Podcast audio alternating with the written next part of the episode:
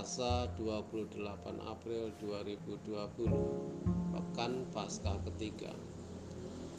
Bacaan Injil diambil dari Yohanes bab 6 ayat 30 sampai dengan 35 Sebelum merenungkan firman Tuhan, mari kita mendoakan bagi dokter, perawat Polri, TNI, dan pemerintahan. Semoga mereka tetap sehat dan terhindar dari virus corona. Marilah kita membuat tanda salib. Dalam nama Bapa dan Putra dan Roh Kudus. Amin. Tuhan beserta kita sekarang dan selama-lamanya. Inilah Injil Yohanes bab 6 ayat 30 sampai dengan 35. Dimuliakanlah Tuhan. Maka kata mereka kepadanya, "Tanda apakah yang engkau perbuat, supaya dapat kami melihatnya dan percaya kepadamu? Pekerjaan apakah yang engkau lakukan? Nenek moyang kami telah makan mana di padang gurun, seperti ada tertulis, mereka diberinya makan roti dari surga." Maka kata Yesus kepada mereka, Aku berkata kepadamu, sesungguhnya bukan Musa yang memberikan kamu roti dari surga, melainkan Bapakku yang memberikan kamu roti yang benar dari surga. Karena roti yang dari Allah ialah roti yang turun dari surga dan yang memberi hidup kepada dunia. Maka kata mereka kepadanya, "Tuhan, berikanlah kami roti itu senantiasa."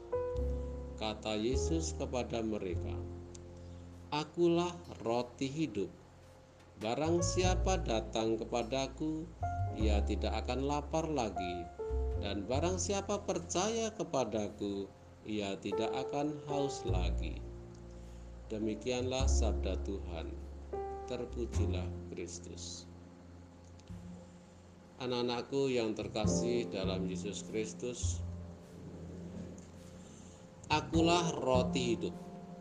Barang siapa datang kepadaku, ia tidak akan lapar lagi, dan barang siapa percaya kepadaku, ia tidak akan haus lagi. Para murid dan orang-orang Galilea masih kagum pada peristiwa pergandaan roti dan secara manusiawi berharap terjadi lagi. Namun Yesus memberikan pencerahan agar mereka mengarahkan hati dan pikiran pada roti yang bertahan sampai hidup yang kekal, yaitu Yesus sendiri sebagai roti hidup. Roti yang berasal dari surga dan dibagi-bagikan kepada setiap orang yang percaya kepadanya. Yesus menegaskan bahwa roti hidup adalah dirinya sendiri yang siap diberikan dan dibagi-bagikan kepada para murid dan segenap umat Kristiani yang beriman agar mereka memiliki hidup yang kekal. Setiap kali kita merayakan Ekaristi Kudus, walaupun saat ini kita merayakan Ekaristi lewat live streaming dan menerima komuni batin, namun hal ini harus dapat memperkuat iman kita dan harus tetap mengimani bahwa live streaming itu juga sama bahwa kita merayakan kehadiran Yesus yang memberikan diri dan hidupnya bagi kita. Tubuh dan darahnya yang kita sambut lewat komuni batin memberi kekuatan hidup dan mengantar kita menuju hidup yang abadi.